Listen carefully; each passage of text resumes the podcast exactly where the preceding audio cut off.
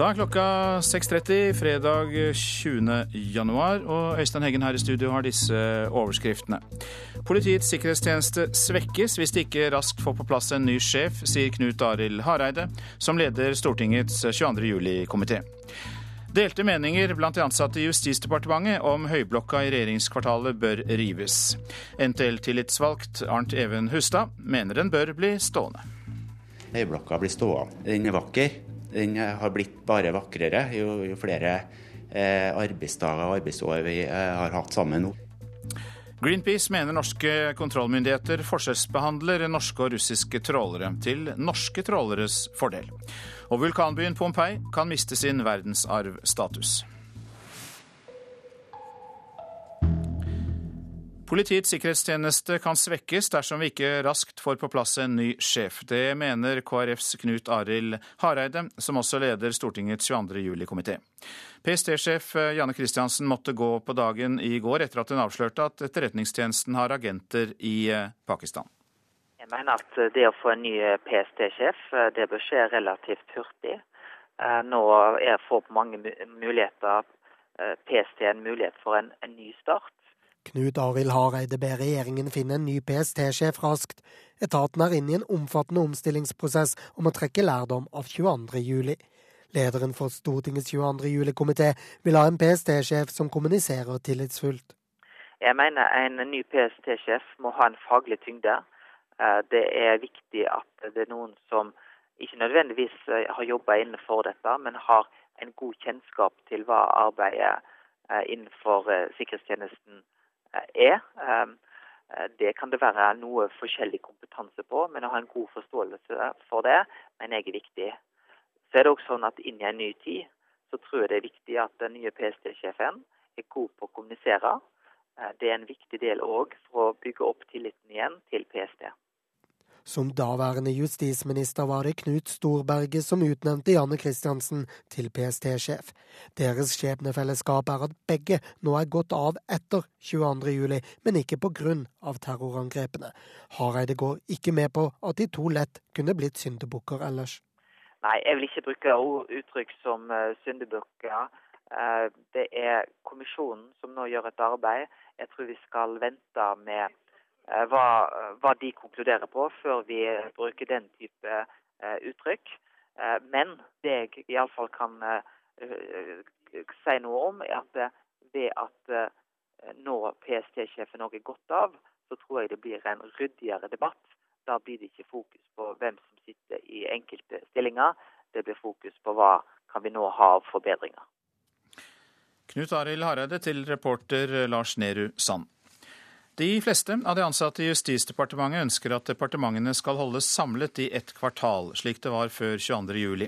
Det viser en undersøkelse NRK har gjennomført.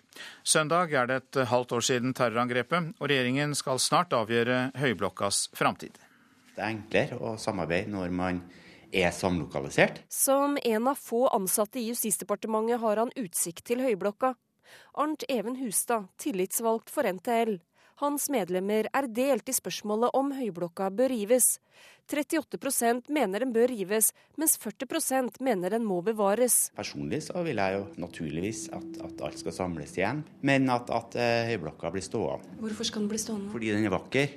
Den har blitt bare vakrere jo, jo flere eh, arbeidsdager og arbeidsår vi eh, har hatt sammen nå. Men hva at, hva hadde du ønsket at Høyblokka skulle blitt brukt til, til hvis, hvis, den ikke skulle bli revet? Akkurat det samme som før. Samme hvilket departement som satt der. Eh, kanskje hadde høyest status, eh, det å, å ha kontorene i Høyblokka. Hva som skal skje med regjeringskvartalet diskuteres nå i regjeringen. I en undersøkelse NRK har sendt ut til de ansatte i Justisdepartementet, hvor halvparten har svart, sier 84% at Justisdepartementet bør ligge i sentrum av byen. 85% at departementene bør være samlet som før 22.07. Ett departement er i byen og et annet oppe i Nydalen, så, så må du regne en og, en og en halv times reising til og fra bare for å få gjort det ene møtet. Mitt inntrykk er at de aller fleste vil eh, tilbake i regjeringskvartalet. I Justisdepartementets nye lokaler i Nydalen sitter Anne Riaskås. Hun gikk fra jobb fem minutter før bomben smalt 22.07. Som tillitsvalgt for Parat er hun ikke overrasket over resultatet. Stort sett alle synes at det er, er kronglete. Ikke minst i forhold til reisevei for veldig mange, og også det at vi ikke er samlet. Det er jo en god del møtevirksomhet mellom departementene, og nå må man da drive og reise helt ned til byen. Hva tror du regjeringen kommer til å bestemme seg for? Jeg tror eh, regjeringa kommer til å bestemme seg for at Høyblokka skal stå. Reporter Ellen Omland. Så tar vi for oss avisenes forsider. Svarer nei til tidlig ultralyd for alle, er oppslaget i Vårt Land. Partilederkandidat i SV Heikki Holmås sier han er for å beholde dagens ordning fordi den er godt medisinsk forankret, og han håper at hans syn vinner fram i SV. Kong Harald pryder forsiden av VG i dag under tittelen 'Helt konge på jobben'. Norges konge tok på seg 384 oppdrag i fjor, og knuser dermed svenskekongens statistikk, skriver avisa. Islams eh, inntog må stoppes, det er oppslaget i Nordlys, som gjengir Facebook-uttalelser fra den profilerte Tromsø-advokaten Brynjar Østgård. Han mener islam kan ødelegge vår sivilisasjon. Østgård er tidligere dommer i Hålogaland lagmannsrett og sitter i styret for Hålogaland teater. PST-sjefens taushetsbrudd er livsfarlig avsløring, skriver Dagsavisen. Eksperter mener norske liv kan ha blitt satt i fare. Trond Giske kom styrket ut av Telenor-striden, skriver Klassekampen i dag. Stormløpet mot næringsministeren har mobilisert rød-grønne tungvektere. Og SVs Erik Solheim sier til avisa at Trond kommer styrket ut av denne saken. Drap etter drap, men ingen tas, er oppslaget i Aftenposten. Malmö er fryktens by, med fem drepte på få uker. Faren til en drept 15-åring vurderer å flytte fra Sverige tilbake til Irak, fordi det er tryggere der. Kjendisene på forsiden av Dagens Næringsliv i dag har én ting felles, de drikker ikke alkohol. Liv Ullmann, Ole Einar Bjørndalen, Arne Johannessen, Knut Storberget, Sturla Berge Johansen, Abid Raja, Knut Bry og Silje Rafa forteller om hvorfor de ikke drikker. Åtte millioner kroner i bot for forsinkelser og innstilte ruter er oppslaget i Bergensavisen. Gjennom selskapet Skyss krever Hordaland fylkeskommune penger tilbake fra busselskapene. Nettsalgsuksess for familiebedrift eh, leser vi i Nasjonen, som viser Lars Ove Hammer fra Haugenbok i Volda. Han har 20 heltidsansatte og selger bøker på nettet for 110 millioner kroner i året. Birgit fra Ingen grenser er på forsiden av Dagbladet. Hun forteller om livet etter legetabben, om eh, kjæresten, fanbrevene og sin jernvilje. Våre naboer finnene står foran et historisk valg. Søndag kan de for første gang på 30 år velge en president som ikke er støttet av sosialdemokratene. Den konservative politikeren Sauli Ninistø har i flere måneder ledet på meningsmålingene. Og utenriksmedarbeider Morten Jentoft, du er i Finland for å dekke valget. Og ja, hvordan er Ninistøs odds nå rett før valget? Han hadde jo en oppslutning på meningsmålingene her for et par måneder siden som var over 50 I går kveld så offentliggjorde finsk radio og TV YLE, som tilsvarer da NRK, en meningsmåling som viser at nå er oppslutningen kommet under 30 Sauli Niinistö fikk på denne meningsmålingen bare 29% sånn at oppslutningen rundt ham har nok gått kraftig tilbake. Det er vel naturlig pga. presidentvalgkampen, men eh, fremdeles så er jo han da den overlegent eh, Eh, største da på meningsmålingene. Men han trenger helt sikkert en annen runde, eh, altså en ny valgomgang for endelig å uh, kunne si at han, han, han, har vunnet og blitt finsk president. Og denne andre valgomgangen uh, mener alle eksperter her borte nå, den kan bli mye mye mer spennende enn det man trodde bare for, for en uke siden. Og så er det da partiet De Grønnes kandidat, Pekka Haivisto, som er den store overraskelsen. Og hvorfor har, eh, hvorfor har han klart det? Ja, Det er jo han som gjør dette presidentvalget veldig spennende. For på den samme meningsmålingen som altså eh, kom her i går kveld, så er han den nest største. Han har fått en oppslutning der på 12% og kan da bli eh, eh Sauli motstander i den andre runden. Pekka Havisto er jo en erfaren politiker fra De Grønne. De Grønne er jo sterke i Finland. De kan sammenlignes litt med De Grønne i Tyskland. Altså et parti som har også gått etter makt, har sittet i flere regjeringer regjeringer. Tekka Havisto har omfattende internasjonal erfaring både fra EU og fra, fra FN. Men eh, han står også fram som åpen eh, homofil, eh, og det har nok vakt en viss oppsikt her i Finland at man en homofil presidentkandidat gjør det såpass godt som han nå gjør det. Og hvis han går videre til annen runde, så kan mange av de som har støttet andre kandidater, gå over til Pekka Havisto fordi man ikke ønsker en konservativ eh, president. Sånn at eh, en eventuell annen runde mellom Havisto og Ninistø den er uforutsigbar og kan bli veldig spennende.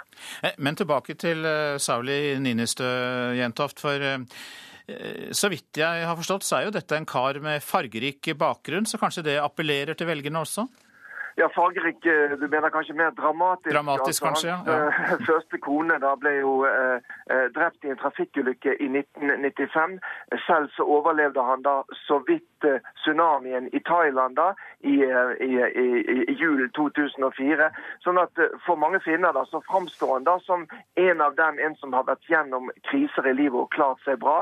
I tillegg så er han jo en veldig erfaren politiker, har sittet i mange regjeringer, har internasjonal erfaring fra den europeiske eh, investeringsbanken. Men han virker i eh, valgkampen, jeg så han selv i en TV-debatt her forleden kveld, han virker litt presset, litt brydd nå. Og det har nok folk merket seg. Sånn at eh, kan du si, populariteten har jo da dalt uh, veldig kraftig, selv om alt tyder på at han vil gå videre til andre runde og er favoritt til å vinne den. Og så har vi jo Tarja Hallonen, nåværende president. Hun jo, eh, har vært veldig populær. Hvorfor, hvorfor stiller ikke hun? Nei, eh, Hun har hatt sine to perioder. Eh, den finske grunnloven sier at en kandidat bare kan stille i to perioder. De er jo også seks år lange. sånn at Tarja Hallonen har jo sittet i tolv år nå.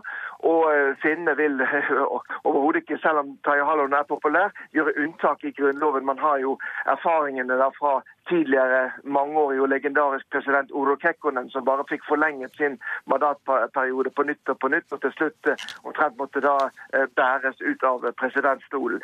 Sånn at hennes eh, periode er over. Det mange spørsmål er hvorfor ikke det er kommet opp en alternativ kvinnelig kandidat med kan du si, stor appell da, i dette presidentvalget. Det er det ikke. Dette ser ut til å bli et opple en, en, en kamp mellom menn. Mange takk skal du ha, Morten Jentoft fra Finland. Nå til eh, sport. Det norske herrelandslaget i håndball møter Kroatia i EM i kveld, og det kan bli vrient. Kroatias superstjerne Ivano Balic mener det viktigste i jevne håndballkamper er å ha troen på seier. Mens Norge fortsatt sliter med å lykkes i avgjørende øyeblikk, så er Kroatia eksperter på nettopp det. We, we just believe that uh, that uh, we can win every game. I think that's the key. It's it's a lot of nerves out there, and uh, you need to stay calm and, and try to win the game. Han tror alltid på seier, legenden Ivano Balic. Kroaten er håndballens store ballkunstner, og ikke minst en utrolig matchvinner. Senest mot Island i åpningskampen viste han nettopp det. Med ett minutt igjen på klokka leder Kroatia med ett mål. Balic skaffer straffekast og sikrer kroatisk tomålsseier. We believe from, uh, believe from the, from the I motsetning til Kroatia, som utallige ganger har vippa kampen i sin favør, sliter Norge med å gjøre det samme mot de beste lagene. Mot Island viste det seg nok en gang. Li Hansen skyter, men det blir for enkelt. Keeperen redder. Norges kaptein Børge Lund tror kroatenes fordel er mye erfaring. De har en fordel at de har vært ute i disse tette, viktige kampene i uh, mer mesterskap enn det vi har. Men Jonny Jensen mener det er mer enn erfaring som må til for å vinne jevne kamper. Det er liksom hva du, man har uh, drevet litt med sånn mental mental trening og ha tro på seg sjøl og ha tro på laget, at vi klarer å jobbe sammen. Forhåpentligvis er Norge stinne av selvtillit når de møter Kroatia i kveld. For kong Balic har som vanlig tro på seier. I hope uh, we can beat them Friday.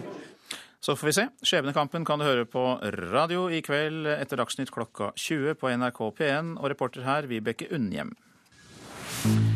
Bryter til Nyhetsmorgen. Klokka drar seg mot kvart på sju. Dette er hovedsakene nå. Politiets sikkerhetstjeneste svekkes dersom vi ikke får på plass en ny PST-sjef raskt, sier Knut Arild Hareide, som leder Stortingets 22. juli-komité.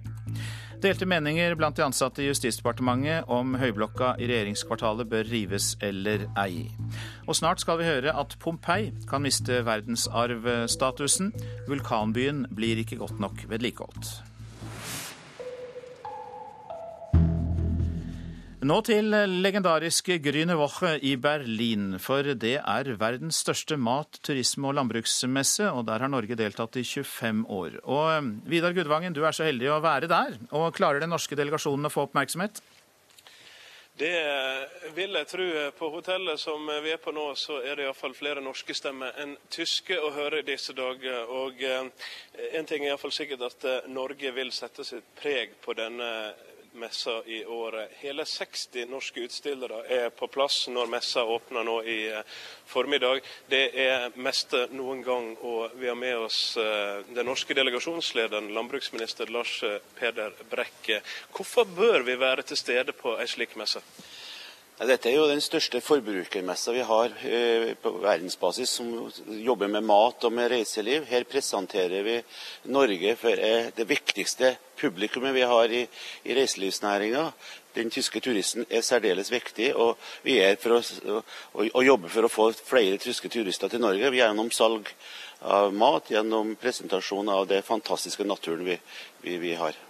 Hvordan skal Norge vise seg fram på Grüne Woche? Vi har jo en stor, flott eh, utstilling. 60 utstillere, folk fra ulike regioner.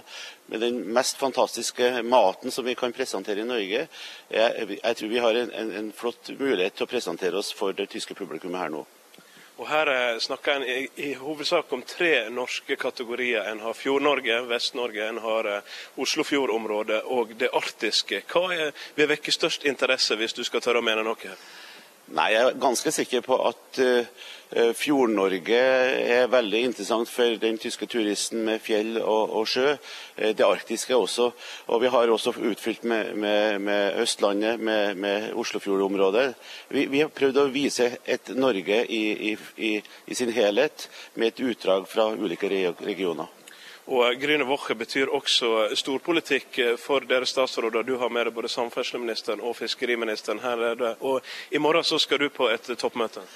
Ja, det er et toppmøte om matsikkerhet. Det er et toppmøte som den tyske landbruksministeren kaller inn til. Vi er rundt 70 ministre fra hele verden som deltar. og Det er en viktig forberedelse til Rio pluss 20 som kommer senere i år sa altså eh, landbruks- og matminister Lars Peder Brekk fra Senterpartiet. 400 000 eh, besøkende er venta på denne messa den neste uka, og ikke minst også 4000 journalister. Mange takk skal du ha, Vidar Gudvangen. og Jeg regner med at du og de andre får eh, med dere noen smaksprøver fra Grüne Woche. De russiske anklagene om forskjellsbehandling av trålere kan være riktige. Det sier Greenpeace, som mener norske myndigheter ser bort fra problemene i sitt eget lands fiskeflåte. Allerede i 2004 fastslo en kommisjon at norske trålere maler opp uønsket fisk og spyler det hele ut igjen i havet under vannflaten. Kommisjonen foreslo flere tiltak, men Greenpeace-leder Truls Gullovsen syns det er pinlig at regjeringen ikke har fulgt opp. Eh, og vi er overrasket over at det fortsatt får foregå. For det er jo klart at det er mye vanskeligere å klage på andre når man ikke klarer å rydde hjemme først. I bakvannet av Brennpunkts avsløringer om norsk fiskedumping i 2004, så nedsatte regjeringa en kommisjon for å få tiltak mot utkast av fisk. Et av tiltakene gikk på å forby kvern om bord på båtene, fordi den kan brukes til å male uønsket fisk og spyle det ut under vann. Men det som skjedde, var det stikk motsatte. Fiskerne ble pålagt å ha kvern som en del av pumpesystemet på båten. At russerne anklager norske myndigheter for forskjellsbehandling av trålere, er ikke helt feil, da kvaren fortsatt er lov, sier Truls Gulovsen. Og i hvert fall når vi vet at man ved hjelp av inspektører, eh, forbud mot kvern, har veldig gode muligheter for å avsløre norsk utkast, som man i dag ikke bruker. Regjeringa forsvarer seg med at det er forbudt å bruke kvern for å skjule dumping, sier statssekretær i Fiskeridepartementet Kristine Gramstad. Det er forbudt å ha om bord og nytte innretninger og utstyr som kan benyttes til oppmaling og utkast av fisk. De to reglene blir en paradoks, sier Einar Ellingsen, seksjonssjef ved Fiskeridirektoratet. Så lenge den pumpen er der ut fra de pålegg som er fra sjøfartsmyndighet, så vil man jo ikke kunne hindre eh, de som eh, har eh, uærlige motiver med å, å kjøre hel fisk og male den opp og, og spyle den på sjøen, slik at der foregår et, et slags skjult utkast. Leder i Greenpeace, Truls Gullovsen, til reporter Robert Lundgren. Forskere har ikke god nok kunnskap om hvordan livet i havet blir påvirket av lydbølgene fra seismikkskyting. Det mener Bellonas Sigurd Enge, som eh, mener at Oljedirektoratet bruker den manglende kunnskapen til sin fordel, og dermed overkjører fiskernes interesser. Det er ingen tvil om at eh, forskningen på hvilke effekter dette egentlig har, er preget av mange kunnskapshull.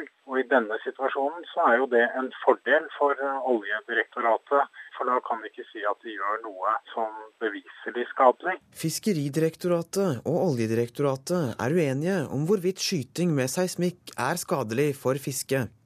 Havforskningsinstituttet har drevet forskning på effekten av seismikkskyting siden 90-tallet. Erik Olsen, leder for forskningsprogrammet på olje og fisk, mener Bellonas argument ikke holder vann. Generelt sett så vil man jo si at mangel på kunnskap brukes heller inn i et føre-var-perspektiv når man er redd for at det kan være en negativ effekt på noe. Det er jo det som er basisen for føre-var-prinsippet, som er ganske fremtredende i all norsk naturforvaltning. Olsen skulle likevel ønske at det ble gjennomført mer forskning. Du kan vel ikke finne en eneste forsker som sier at det er gjort nok forskning på noe som helst. Men i forhold til seismikk, så vet vi jo forsøkene som vi hadde på 90-tallet viste klart tydelig at vi har en skremmeeffekt på fisk. Og så er spørsmålet hvor høy intensiteten av seismikken må være, hvilke arter som blir mest påvirket, om det er forskjell mellom områder og sånne ting. Og Det har vi i liten grad fått til, for den type forskning vil kreve enorme ressurser. Du må leie inn et seismisk fartøy som koster mange millioner kroner døgnet. Og det var Hermen Lybekk Kjernli som hadde laget dette innslaget. Nå til Pompeii, for den berømte byen kan miste sin verdensarvstatus fordi den er så dårlig vedlikeholdt. Tilstanden til byen, som altså da ble begravet av et vulkanutbrudd fra Vesuv i år 79, denne tilstanden forverres dag for dag. I fjor kom Unesco med en rapport om tilstanden til Pompeii. Her kommer det bl.a. fram at arbeidet med å vedlikeholde byen er for dårlig. Forskningssjef Alex Barbé ved det franske vitenskapssenteret CNRS er ekspert på kulturarvspørsmål. Hun var en av forfatterne av rapporten, og hun peker på tre hovedproblem. Euh, euh, les restaurations ne vont pas assez vite. Elles n'ont pas toujours été bonnes dans le passé. Et il y a un problème euh, récurrent qui est le drainage des eaux qui n'est pas bien. Barbé sier til Sveriges Radio at restaureringsarbeidet går for langsomt, og mye av arbeidet som er gjort tidligere er for dårlig utført. I tillegg er dreneringssystemet så dårlig at kraftig regn fører til at marka siger ut og hus blir ødelagt. Og det var det som var grunnen til at Gladiatorhuset i byen kollapsa i 2010. Men i tillegg til dårlig vedlikehold er vaktene som patruljerer området for få og lite effektive. Enkelte besøkende gjør hærverk på plassen og stjeler med seg Alex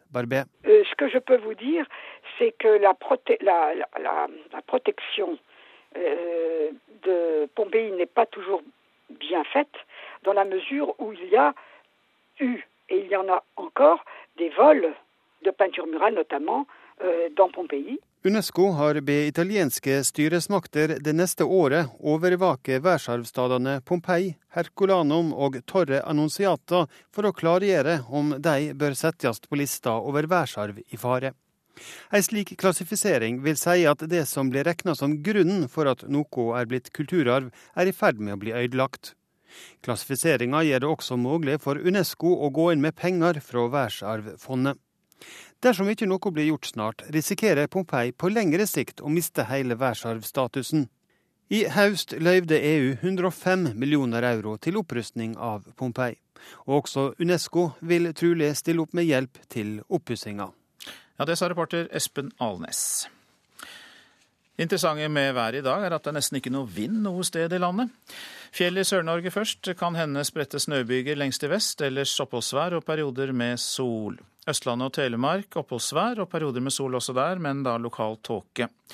Agderfylkene får stort sett opphold, perioder med sol og tåke kanskje der òg. Rogaland perioder med sludd- og regnbyger, snø i indre høyere strøk. Utrygt for torden. Seint i kveld så kan det bli sørlig frisk bris og eh, oppholdsvær i Rogaland. Hordaland eh, perioder med sludd- og regnbyger, snø i indre og høyere strøk. Utrygt for torden. Seint i kveld sørlig liten kuling der og oppholdsvær.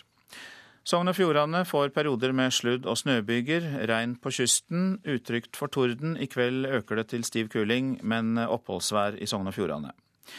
Møre og Romsdal må regne med at det blir sludd- og snøbyger i dag. Regn på kysten, men oppholdsvær etter hvert. Trøndelag sludd- og snøbyger, utrygt for torden. I Innlandet stort sett opphold. Fra i kveld oppholdsvær i hele Trøndelag. Nordland delvis skyet, stort sett opphold. Fra i kveld kan hende liten kuling. Troms veldig kort og greit. Lettskyet, pent vær. Finnmark liten kuling utsatte steder. I indre strøk skyet, ellers delvis skyet opphold. Nordensjøland på Spitsbergen skyet eller delvis skyet oppholdsvær. Noen temperaturer klokka fire. Svalbard minus fire, Kirkenes minus ni, Varde minus fem, Alta minus sju, Tromsø minus tre. Bodø minus to, Brønnøysund pluss én. Trondheim minus fire, Molde og Bergen begge null. Stavanger pluss én, Kristiansand-Kjevik minus tre. Gardermoen minus 9, Lillehammer minus 12, Røros minus 27 faktisk, og Oslo-Blindern hadde minus 9 grader klokka fire.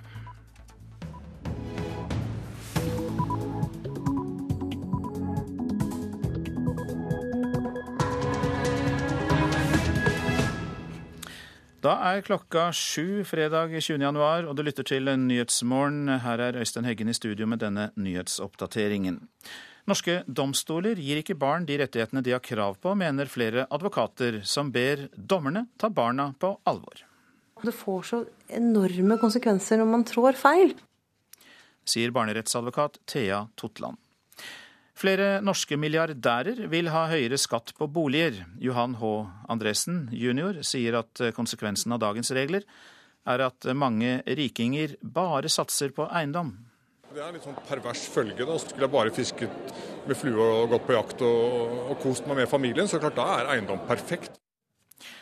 Flere næringslivstopper mener Trond Giske har gjort eierskapspolitikken uklar. Lederen for 22. juli-komiteen på Stortinget sier at PST må få en ny sjef så fort som mulig. Jeg mener at det å få en ny PST-sjef, det bør skje relativt hurtig. Nå får PST en mulighet for en, en ny start.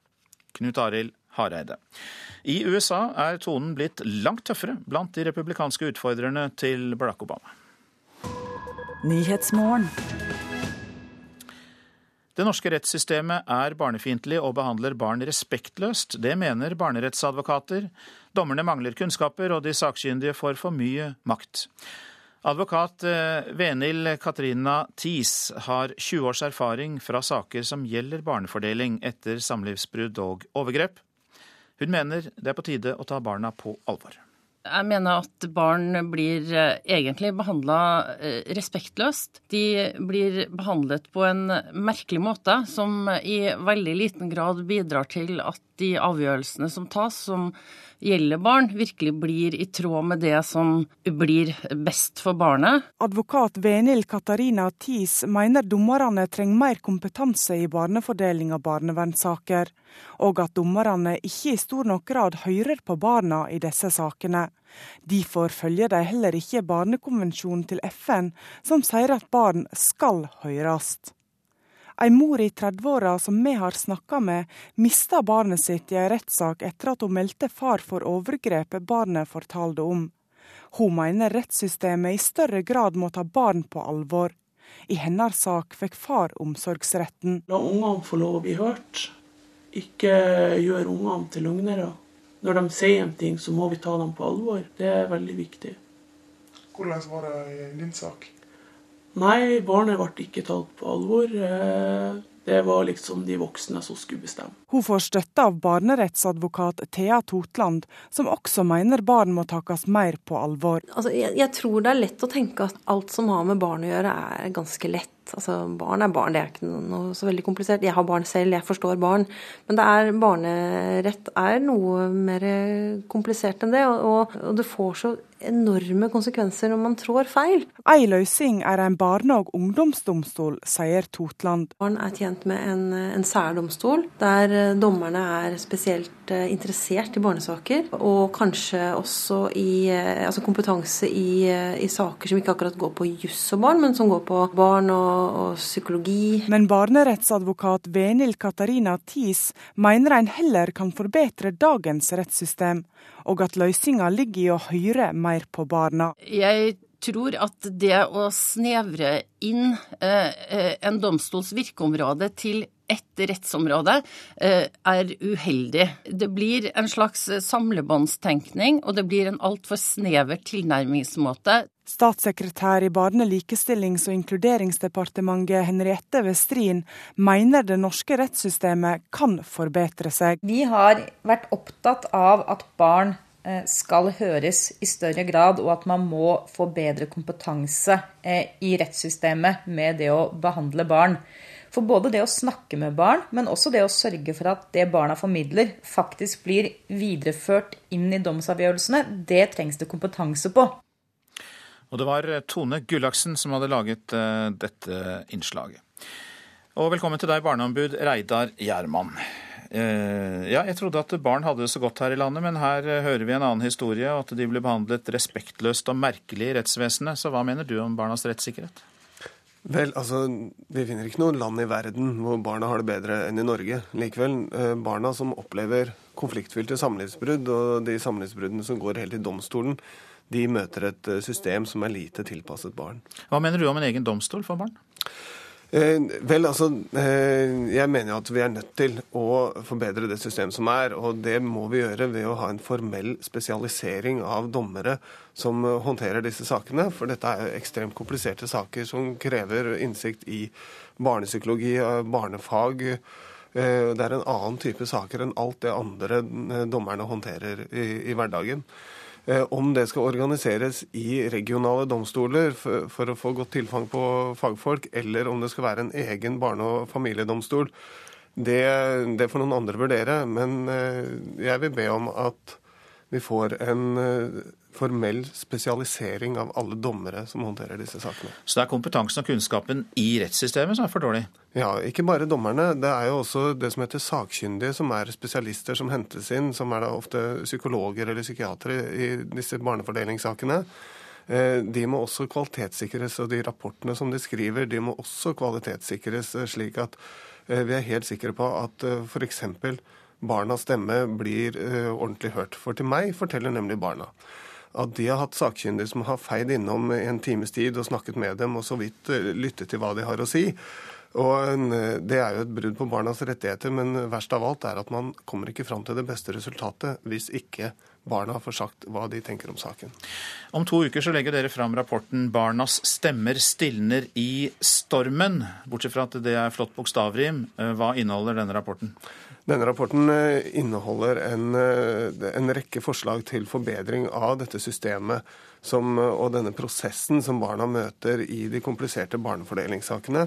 Både i familievernkontoret og i rettssystemet. Og bl.a. så kommer jeg der til å foreslå nettopp en formell spesialisering av dommere og kvalitetssikring av sakkyndige.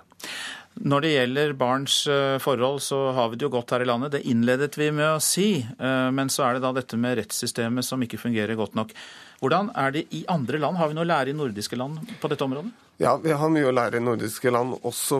Det, men vi, vi, ser jo det når jeg snakker med mine kolleger i, i Sverige og Danmark f.eks., at de, de, har jo de samme stridighetene der. Og vi ser jo at eh, menneskenaturen er slik at når vi blir utsatt for et, eh, en situasjon som oppleves som krenkende og utfordrende, så begynner vi med en del irrasjonelle handlinger. Eh, når foreldre skilles, så hender det dessverre altfor ofte at det eh, som de eh, kaver med, som handler mest om dem selv, det går utover barna. Og det blir fryktelig, fryktelig komplisert for barna. og hvis dere hadde sett de brevene og de henvendelsene som jeg får fra barn, så skjønner dere at her er det tusenvis av barn som eh, bruker mye mer krefter på å tilpasse seg foreldrenes konflikt enn å utvikle seg og bruke kreftene på det som barn skal bruke kreftene sine på. Mange takk for at du kom til Nyhetsmorgen, barneombud Reidar Gjerman. Boligkjøp nå for det er altfor gunstig og fører til kunstig høye priser. Det mener norske milliardærer, faktisk. De vil skattlegge boliger hardere. Reder og eiendomsinvestor Fred Olsen mener at boligmarkedet nærmer seg galskap.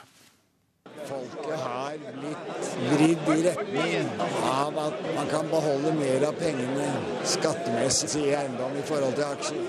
Så blir det jo en sånn psykose, da. I milliardærklubben er det flere som mener boligprisene er oppblåste. Her er eiendomsinvestor Arthur Buchardt. Prisene blir jo helt ekstreme, eh, særlig på de billigste boligene. Så ekstreme er prisene blitt at de lett kan falle, mener investor Jens Ultveit Moe. Nå er verdiene etter mitt syn så høye at risikoen på en nedside er betydelig. Det viktigste som kan gjøres, er å slutte med skatteprivilegierende eiendom. Skatteprivilegiene er voldsomt store. Du sparer formuesskatt, boligskatten er tatt bort. Du sparer også skatt på kapitalgevinsten. Og det er ikke bare vanlige folks skattefordeler som driver opp boligprisene. Milliardær Johan H. Andresen jr. synes det er trist at også svært mange rikinger bare satser på eiendom. Altså Det er jo det er en litt sånn pervers følge. Da. Så, altså det burde man over tid eh, jobbe med. Skulle jeg bare fisket med flue og gått på jakt og, og kost meg med familien, så klart da er eiendom perfekt. Lysluggen Andresen mener det er bedre for landet om politikerne slutter å favorisere eiendomsinvesteringer via skatteseddelen. Man vil på en måte ikke ha hårete mål å være høy og mørk eller lys internasjonalt. Man syns egentlig det er nokså greit å være stor her hjemme. Det er liksom nok. Du kan ikke bli best i verden på eiendom i Norge. Og det sier Torge Reve seg helt enig i. BI-professorens forskning viser at skattesystemet gjør det stadig verre å satse på noe annet enn eiendom. Penger i Norge beveger seg mot eiendom. Det gjør det jo både privat, hvor det er mer lønnsomt for oss som enkeltpersoner å investere i hus og hytter enn det er å investere i aksjer. Og det er faktisk samme for bedrifter. Det er mer lønnsomt for bedriftene å sette pengene i næringseiendom enn å sette det i kunnskapsbedrifter. Bl.a. for da forsvinner mye av formuen. Så, så, her må man på en måte tenke annerledes. Vi må ikke bli en, en nasjon av forvaltere dette er den norske nye sporten, å være uh, eiendomsinvestorer. Men Ultveitmo nekter å bli med på folkesporten. Og milliardæren innrømmer glatt at han taper store summer på det. Jeg syns eiendom som investering er, er, veldig kjedelig. Det er veldig passivt. Men det synet har kostet meg mye. Fordi at det å investere i eiendom har vært ekstremt profitabelt de siste tiårene. Og det syns jeg på en måte er synd. Fordi at det som er viktig for oss, er jo at investeringene går i områder med kunnskapsutvikling og ringvirkninger. Og der syns jeg eiendom er svært dårlig. Reporter her, Sindre Heierdal.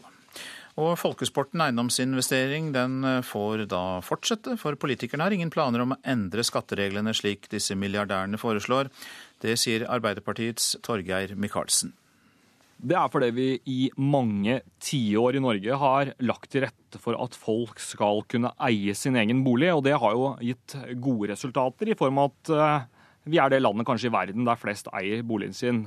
Eh, når det er sagt, så eh, er det store utfordringer mange steder i boligmarkedet, men jeg mener det handler først og fremst om for lite boligbygging, tilgang på tomter, tilgang på nye steder hvor folk kan bo, og mindre om skattesystemet. I hvert fall ikke så mye om skattesystemet som folk skal ha det til. Det er ikke noe politisk vilje rett og slett for å gjøre noe med dette? Det er et breit flertall, ja så å si alle partier i mange år på Stortinget har avvist ideen om en statlig form for eiendom eller boligskatt. Istedenfor å innføre en boligskatt, så kan man jo fjerne en del beskatningsavdrag og fordeler som er med det å eie bolig i dag. Hvorfor vil du ikke gjøre det? Vi har gjort noen endringer. Bl.a. har vi gjort det slik at uh, den såkalte sekundærboligen, altså den boligen du ikke bor i til vanlig, uh, er slik du må betale noe mer formuesskatt av enn ellers. Det skal vi være åpne for å se på nye løsninger. Men jeg er av Så her kan det komme endringer, altså? Nei, vi har allerede gjort visse endringer der, gjort det systemet mye mer rettferdig. Så det får vi komme tilbake til. Men jeg er ikke eh, opptatt av at vi må komme tilbake til hva som er det grunnleggende problemet. Alle som har greie på boligmarkedet, forteller til meg når jeg sier jeg er bekymret, at det som er hovedproblemet, er at det ikke bygges nok boliger. Og så hører jeg alle økonomene som mener at det overinvesteres i eiendom. Det er det sikkert noe rett i noen steder i landet. Men jeg syns det er litt rart at et land som har så gunstige skatteregler for å investere i eiendom, at vi i og rundt mange av de store byene i Norge rett og slett har boligmangel, eller at det ikke bygges i nærheten av nok boliger til å møte befolkningsutviklingen, det at vi blir flere. Eh, så her tror jeg bildet er mye mer sammensatt, og ikke bare vil være skatt som er eh, svaret på hvordan man kunne løse eh, boligpolitikken i Norge. Reporter Lars Nehru Sand. Og så har vi fanget opp at italienske banker har forsynt seg kraftig av låneordningen som den europeiske sentralbanken etablerte i desember. Det skriver Financial Times. Bankene i euroland med svak økonomi har hatt store problemer med å få fornyet lånene i det vanlige gjeldsmarkedet, og det har kunnet velte bankene. Nå har eh, italienerne tatt 400 eh, milliarder i den spesielle låneordningen som skal hindre bankkrise. Spanske banker har lånt halvparten så mye. Ordningen for europeiske banker har bl.a. bidratt til at aksjemarkedene i Asia er på vei mot sin femte uke på rad med oppgang. Tokyo-børsen eh, steg i natt med 1,3 prosentpoeng, og det er også en liten oppgang registrert på Hongkong-børsen. Trond Giske har bidratt til uklarhet om statens eierskapspolitikk etter at han aktivt gikk ut mot TV 2-salget. Det mener næringslivstopper. Konsernsjef og eier Ståle Kyllingstad i IKM-gruppen sier det er klare grenser for hva en statsråd kan gjøre med selskaper der staten er eier. Det er jo avtalt hvor staten skal styre, og at de skal styre via styrene innenfor gitte retningslinjer. I dette tilfellet så ble jo ikke det gjort. Og her ble jeg nok ivrig og ble påvirket av sine egne meninger. Hva var det han gjorde feil, syns du? Hva konkret i det er feil? Jeg synes jo det at Hvis, du, hvis det er noen som henvender seg til f.eks. statsministeren og ber om å få en mening om en sak, så, og den får beskjed om at dette har ikke staten noen mening om, dette er opp til styrene å beslutte, så må òg statsministeren sine folk, i dette tilfellet er det regjeringsmedlem, være lojal mot det. På lik linje med vi har våre andre bedriftsstyrer. Det er ikke alltid vi er enige i alle beslutningene som tas, men vi er nødt til å være lojal mot det som bestemmes. Det har vært mange runder om statlig eierskap, slik Trond Giske gjør det, siden NHOs årskonferanse i begynnelsen av januar. Konsernsjef Ståle Kyllingstad i IKM-gruppen, en privat storleverandør til olje- og offshoreindustrien, mener det må være lov for en statsråd å gjøre feil, men det må være rom òg for politikere å gjøre feil, men så må kanskje de òg kunne beklage seg. Det var gjerne ikke det smarteste jeg har gjort i livet. Men så må det være rom for en politiker å gjøre en feil og gå videre. I denne TV 2-saka, så er det andre ting som han burde sett som politiker og som statsråd som skulle ha vært lagt til rette for, hvis vi skulle klare å beholde TV 2 i, i Norge. Hvorfor sa storeier Trond Giske i Telenor noe annet til aktørene i TV 2-salget enn statsministeren? Og hvorfor sa han det akkurat i innspurten av salgsforhandlingene? Timingen var i alle fall dårlig, konstaterer konsernsjef Gunvor Ulstein i Ulstein-gruppen, som lager skip. Jeg mener at politikerne generelt må eh, bli enda flinkere til å tenke hva er det av ting vi skal legge til rette for, og klare å se to trekk fram. Når du lager en, en mediepolitikk eller andre typer ting, så må du klare å se fram hva konsekvenser kan det innebære. Eh, du kan ikke komme fem over tolv og ha ønske om noe annet. Elisabeth Grieg i Grieg-gruppen mener staten stort sett er en god eier. Men alle kan jo ta feil, sier hun. Det skjer at man tror feil, og da er det greit at man beklager det. Men totalen er at jeg syns det er en god dialog mellom næringsliv og de statlige organene. Reporter her, Hedvig Bjørgum. Du lytter til Nyhetsmorgen, og klokka den er ganske straks 7.17, og vi har disse hovedsakene. Det norske rettssystemet er fiendtlig mot barn, mener barnerettsadvokater. Norske milliardærer vil ha høyere skatt på boliger. Og Russland kan ha rett i anklagene om forskjellsbehandling av trålere, mener Greenpeace, som sier at norske trålere bare dumper fisk på en annen måte.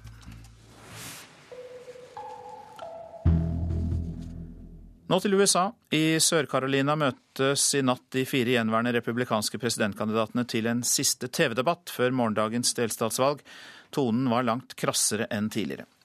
Og eh, før på morgenen så snakket jeg med korrespondent Jon Gelius, eh, som er der i Colombia i Sør-Carolina, og eh, han sa dette om gårsdagens debatt. Dette var en debatt som viste en mye mer aggressiv og tøffere tone kandidatene imellom. De gikk rett og slett til angrep eh, mot hverandre. Eh, Rick Santorum gikk til angrep både mot Mitt Romney og mot New Gingrich og vice versa. Og det var en mye mer temperatur i denne debatten. Mye står nå på spill. Flere av rivalene til storfavoritten eh, Mitt Romney øyner mulighetene til å knappe inn forspranget til Romney. Og derfor så er det også mye mer intense debatter vi nå opplever. Og så fikk eh, Newt Gingrich fortid eh, noe oppmerksomhet pga. et intervju som hans ekskone har gjort. Hvordan forsvarte han seg mot disse anklagene? Ja, Newt Gingrich kom i fokus ved starten av denne TV-debatten i natt. Eh, og han med harmdirrende stemme så begynte han å skyte mot media og fikk stående applaus fra salen. Han sa rett ut at han følte seg støtt av at man startet en presidentdebatt med et slikt tema. Og han avviste kategorisk anklagene som usanne.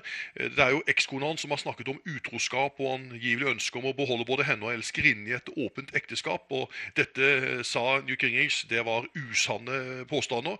Og han eh, brukte så mye harmdirrende ord at han altså fikk stående applaus fra salen. Så da var det altså media som eh, ble angrepet i starten av den debatten. Men når det gjelder kandidatene, da, så er det fire igjen. Det er da selvfølgelig fremdeles mormoneren og den tidligere guvernøren Mitt Romney. Og, og, og han er fortsatt favoritt.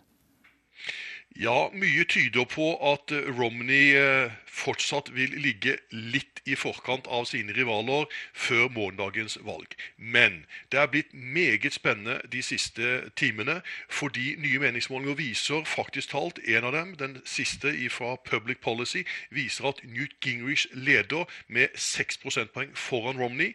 To andre meningsmålinger viser det motsatte, at Romney leder med mellom 7 og 10% i forhold til Gingrich. Så her står nå mye mer på spill. Etter at Rick Perry i går trakk seg, så er det blitt et mye mer åpnere felt i dette, uh, denne kampanjen. Slik at Gingrich øyner altså en større sjanse til å få flere velgere på sin side til å kunne slå Romney her i Sør-Carolina. Så det at eh, Rick Perry eh, ga seg i går, det, det kan virke positivt inn for Newt Gingrich? Ja, Det er ingen tvil om at hvert fall Newt Gingrich har fått en mye større eh, selvtilfredshet i dag. Eh, og Vi så det også i debatten. Han framstår mye mer med tyngde nå. Han er mye mer på hugget i forhold til Mitt Romney. Og det er klart at han har takket eh, veldig høyt og tydelig etter at Rick Perry ga han sin støtte når han trakk seg i går. Og mye tyder altså på at Gingrich er i et modus, har et momentum, som han nå prøver å kapitalisere her i Sør-Carolina. Han kom jo fra en av nabostatene resultatene, så mange kjenner han her. Og det er altså meningsmålinger som tyder på at han kan gjøre det meget, meget skarpt i morgen i forhold til erkerivalen eh, Romney. Seks soldater mistet livet da et av helikoptrene til de amerikanske styrkene i Afghanistan torsdag styrtet sør i landet. Ifølge en Nato-talsmann er årsaken til styrten fremdeles under etterforskning, men foreløpige rapporter tyder på at det ikke var fiendtlige aktiviteter i området da styrten skjedde. Helikopterstyrten er den verste i Afghanistan siden august, da 30 personer, deriblant 20 elitesoldater, omkom i en styrt øst i landet. Malis væpnede styrker hevder at de har drept 45 opprørere i kamper nord i landet denne uka. Kampene brøt ut onsdag da tuareg-opprørere og tidligere soldater fra Libya angrep to byer nær Malis grense til Algerie. Uroen kan bety slutten på en flere år lang periode med sårbar fred i ørkenområdet nord i Mali. I den amerikanske delstaten Nevada er rundt 10 000 mennesker evakuert fra hjemmene sine pga. en kraftig brann. Kraftig vind har ført til at brannen, som startet i Reno-området tirsdag, er utenfor kontroll, melder nyhetsbyrået Ap. Flere hus er brent ned, men ingen mennesker skal være skadd. 230 brannfolk kjemper mot flammene. Så dagens aviser her hjemme svarer nei til tidlig ultralyd for alle, skriver Vårt Land. Partilederkandidat i SV Heikki Holmås sier han er for å beholde dagens ordning, fordi den er godt medisinsk forankret, og han håper at hans syn vinner fram i eh, SV. Kong Harald pryder forsiden av VG i dag under tittelen 'Helt konge på jobben'. Norges konge tok på seg 384 oppdrag i fjor, og knuser dermed svenskekongens statistikk.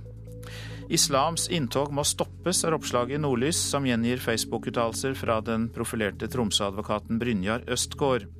Han mener islam kan ødelegge vår sivilisasjon. Østgård er tidligere dommer i Hålogaland lagmannsrett, og sitter i styret for Hålogaland teater. PST-sjefens taushetsbrudd er, er, en livsfarlig avsløring, skriver Dagsavisen. Eksperter mener norske liv kan ha blitt satt i fare.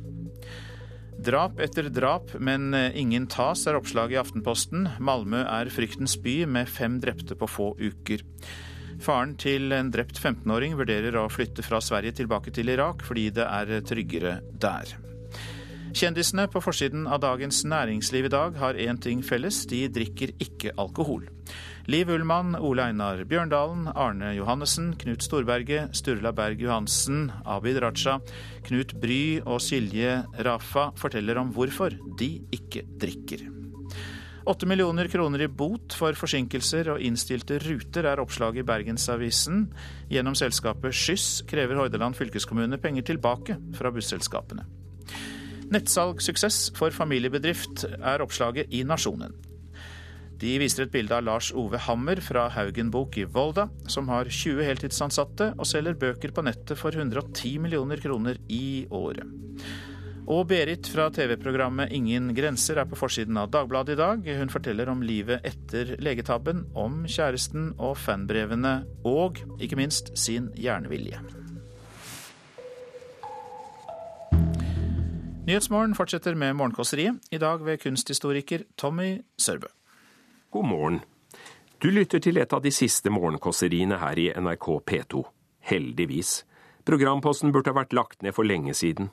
Morgenkåseriet er utdatert, gammelmodig og altfor treigt. Det varer i nesten fem minutter, uten så mye som en snutt, jingle, veimelding eller låt. Og verst av alt, det krever at lytteren må følge med, i hvert fall når kursøren prøver seg på et resonnement. Da nytter ikke å gjøre andre ting samtidig, annet enn rene motoriske aktiviteter som å spise frokost, sitte på do, gå på jobb, kjøre bil eller krangle med sine nærmeste. Det gikk selvfølgelig an å sprite opp morgenkåseriene litt, sånn at lytterne som kom og gikk i løpet av kåseriet også ville få noe ut av det. Dele det opp i en åtte–ti bolker, som handlet om sex, lommeboka di, sex, slanking, sex, slanking, sex, el i hagen, tette blodårer og historier om valper som blir ammet av katter, og kattunger som blir ammet av hunder. Men jeg er redd det ville bli like vellykket som å prøve å lokke folk til kirken ved hjelp av rockeprester, kirkeklovner og høymessefotball. Ikke engang denne ironien funker lenger. Den føles like utdatert som en Chat Noir-sketsj med Arve Oppsal, og burde for lengst ha vært erstattet med en mer tidsmessige kødderier, faenskap og djevelskap. Men åssen skulle jeg få til det, jeg som tilhører den ironiske generasjon. Nei, mitt tog har gått, og det var et damplokomotiv. Ja, for jeg har nemlig alltid vært opptatt av historiens tapere, av ting som skjer for aller siste gang. Når var det siste damplokomotivet i bruk? Jeg grublet mye over det som gutt. Fantes det fremdeles et damplokomotiv i hjembyen min Porsgrunn, i Telemark, i Norge? Og så var det seilskutene. Var det noe så sikkert at de bare var en saga blott? Bestefaren min hadde fortalt meg at man til langt opp i mellomkrigstida kunne møte fullriggere ute på de sju hav. Ja, han påsto at det til og med fantes de som brukte seilskip også etter annen verdenskrig. Fantes det et sted på denne kloden der et av disse ærverdige fartøy den dag i dag pløyde bølgene? Jeg så det for meg, en diger, rusten holk med sorte, fillete seil og med en eldgammel kaptein på dekket. Han sto der stram, strunk og stolt i sin falmete uniform og gjorde honnør til det forbausede mannskapet på en moderne tankbåt som tilfeldigvis kom forbi. Det var noe vakkert ved bildet, og jeg var sikker på at selv om de på tankbåten synes seilskipet var utdatert og latterlig, ja, så ville de innerst inne beundre den gamle kapteinen. Til og med naboen vår, han som hadde vært nazist under krigen, kunne få noe sympatisk ved seg når han satt bak rattet i den eldgamle Mercedesen sin, som om bilen selv nå, med løs eksospotte, rustne stigbrett og etter at Tyskland hadde tapt to verdenskriger, skulle ha vært overlegen alle andre biler innen de ganze Welt. Nei, jeg liker når noe gjøres for siste gang. Det finnes et eget fjernsynsprogram for oss styrker av den bittersøte for siste gang-sentimentaliteten. Norge Rundt, der vi nesten ukentlig får møte Rogalands siste landhandler, Indre Agders siste dotømmer og Norges siste vognmann, og hvem vet, vår aller siste morgenkåsør. Slik er det ikke kunsten, der gjelder å være først ute. Mangt et dårlig kunstverk har fått stor oppmerksomhet bare fordi det var tidlig ute. Som om kunsthistorien var et kappløp der den vant som kom først til mål. Det er på tide å slå et slag for de kunstnerne som kommer til slutt i det kunsthistoriske kappløpet. Amaldus Nilsen, for eksempel, som laget romantiske landskapsmalerier i mellomkrigstida. Richard Strauss, som komponerte senromantisk musikk etter annen verdenskrig, eller André Bjerke, som rimet i vei til langt ut på 1970-tallet. Kort sagt, de kunstnere som trofast følger i sine forgjengeres fotspor som om ingenting har skjedd, vel vitende om hvor utidsmessig det er. Klart det kreves mot til å være den første til noe, men kreves det ikke like mye mot til å være den siste? Ja, kanskje større mot, for den første kan alltid håpe på en belønning i framtida, men den siste er og blir latterlig både i samtida og framtida. I det øyeblikket noe går under og kanskje aldri mer kommer tilbake, forlenes det med en stolthet som det tidligere ikke hadde. Det gjelder både for regimer, ideer, teknologier, kunst og morgenkåserier. Og det sa kunsthistoriker Tommy Sørbø. Ansvarlig for morgenkåseriene i Nyhetsmorgen er Torkjell Berulsen. Etter Dagsnytt skal vi til markeringene av polfarer Robert F. Scott, som blir dyrket som en helt i Storbritannia. Og næringsminister Trond Giske han er gjest i Politisk kvarter eh, kvart på åtte. Prosent for Nyhetsmorgen i dag er Marit Selmer Nedre Lid. Her i studio, Øystein Heggen.